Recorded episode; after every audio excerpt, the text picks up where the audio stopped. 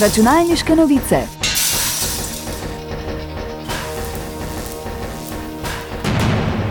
Prisluhnite novostim in zanimivostim z področja računalništva.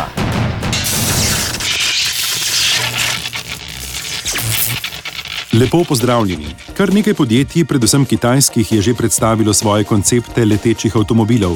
Le redki pa se spogledujejo z uradnimi certifikati, ki bi dejansko dovoljevali njihovo uporabo na javnih cestah.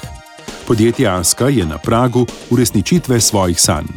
Na CES 2023 je namreč razkrilo leteči avtomobil A5. Ne gre samo za koncept. Podjetje je že odprlo prednaročila za vse tiste, ki so pripravljeni plačati astronomsko ceno 790 tisoč ameriških dolarjev. Soustanovitelj podjetja je dejal, da bi lahko uradni regulatorni organ odobril dovoljenje za uporabo A5 v komercialne namene v roku enega meseca. Do leta 2026 pa upajo, da bo njihovo vozilo del flote za storitev skupne vožnje. Računalniške novice.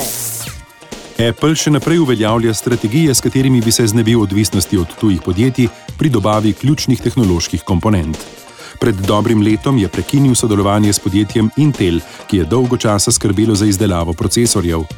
To je bila pomembna poteza trilijonskega podjetja na poti k samozadostnosti. Prihranili so več milijard dolarjev, ki so jih investirali v proizvodnjo lastnih procesorjev. Odločitev se je izkazala za odlično, saj zdaj Apple procesori sodijo v sam vrh tako glede zmogljivosti kot varčnosti. Letos naj bi končali še razvoj modemov za brezžično povezovanje. Leta 2024 jim poteče pogodba s podjetjem Qualcomm, kar pomeni, da bodo v zelo kratkem času morali začeti proizvodnjo lastnih čipov za povezovanje z Wi-Fi in Bluetooth. Računalniške novice. V zadnjih nekaj letih je razvijalcem računalniških zaslonov uspel velik preboj. Izboljšali in razširili so ponudbo zaslonske matrike in, kar je še bolj pomembno, pohitrili njihovo delovanje. Frekvenca osveževanja je poleg ločljivosti in zaslonske matrike najpomembnejši faktor pri nakupu. Še posebej igričarji iščejo visoke hitrosti osveževanja in nizke zakasnitvene čase.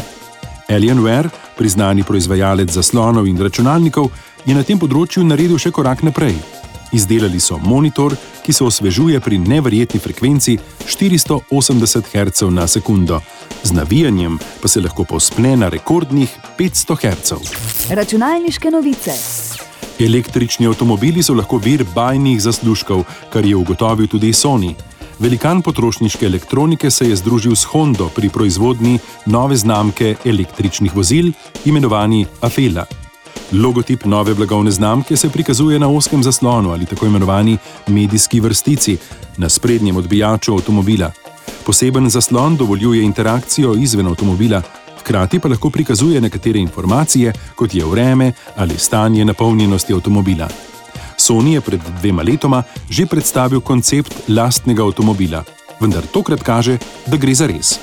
O cenah še ni bilo govora, so se pa pri podjetju zavezali, da e-auto lansirajo do leta 2026, najprej v Severni Ameriki, na to sledita Japonska in Evropa. Računalniške novice. Toliko za danes, hvala za pozornost in nasvidenje prihodnič.